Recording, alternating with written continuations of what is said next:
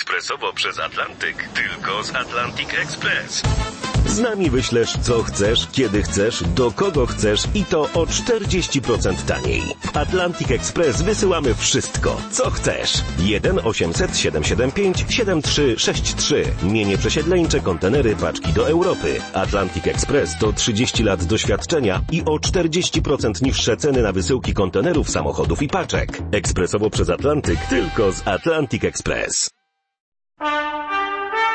Wszyscy, szczególnie Amerykanie, kochali w latach dziesiątych i dwudziestych do szaleństwa swoją Sweet Mary, słodką Mary, czyli Marysię, albo małą Mary, albo America's Sweetheart, czyli ukochaną Ameryki, a wkrótce World's Sweetheart, ukochaną świata. Ona, Mary Pickford, tak naprawdę Gladys Smith, pod koniec życia powiedziała Widziałam narodziny Hollywood, a teraz oglądam jego śmierć. Urodziła się w 1893 roku. Była jedną z pierwszych wielkich gwiazd kina amerykańskiego i światowego.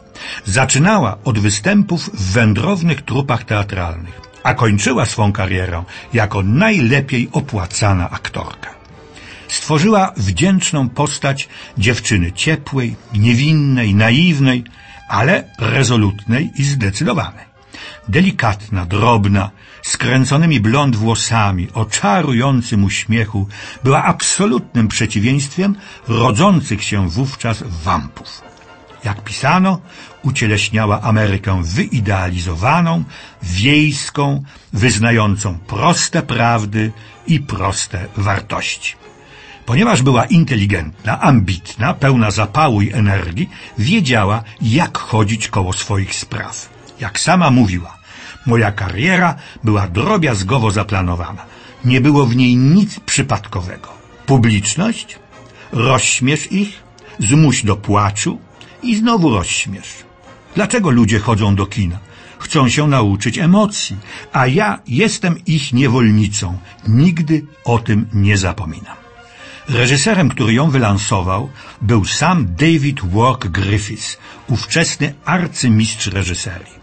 Takie jego późniejsze dzieła, jak Narodziny Narodu czy Nietolerancja, weszły na stałe do historii światowego kina i światowej sztuki filmowej. U Griffitha grała Mary Pickford w tak głośnych filmach jak Kopciuszek, Rebeka ze Słonecznego Potoku czy Polianna.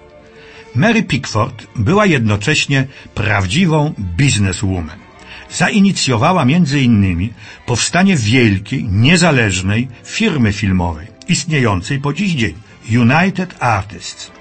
Utworzyła spółkę składającą się z takich znakomitości jak wspomniany mistrz David Wark Griffiths, genialny twórca komediowy Charles Chaplin i niezwykle popularny wówczas, w latach dwudziestych, aktor Douglas Fairbanks, demonstrujący w życiu i na ekranie męską tężyznę fizyczną, inteligencję i zniewalający wdzięk.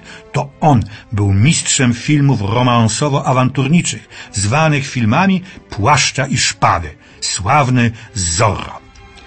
Mary Pickford, słodka Marysia, otrzymała pierwszego aktorskiego Oscara za swą pierwszą rolę w filmie dźwiękowym Kokietka w roku 1929. Niestety, przełom dźwiękowy nie był dla niej łaskawy.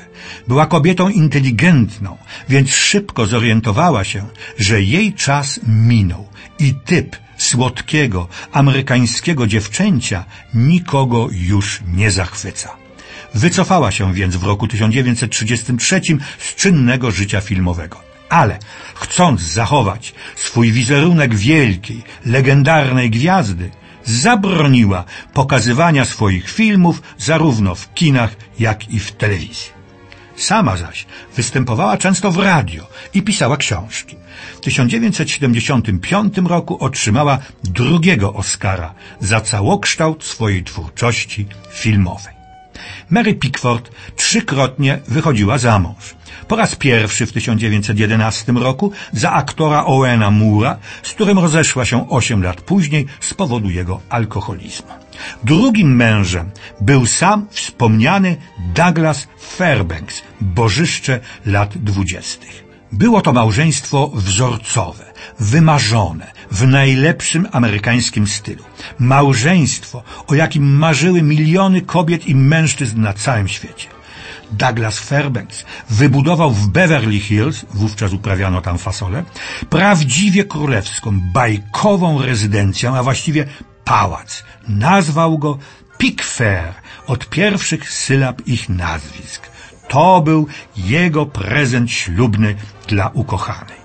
Choć wzorcowe, a raczej pokazowe małżeństwo po kilku latach się rozpadło. A Mary Pickford wyszła jeszcze raz za mąż, za swego dawnego partnera, Charlesa Rogersa. Zmarła w 1979 roku w wieku 86 lat.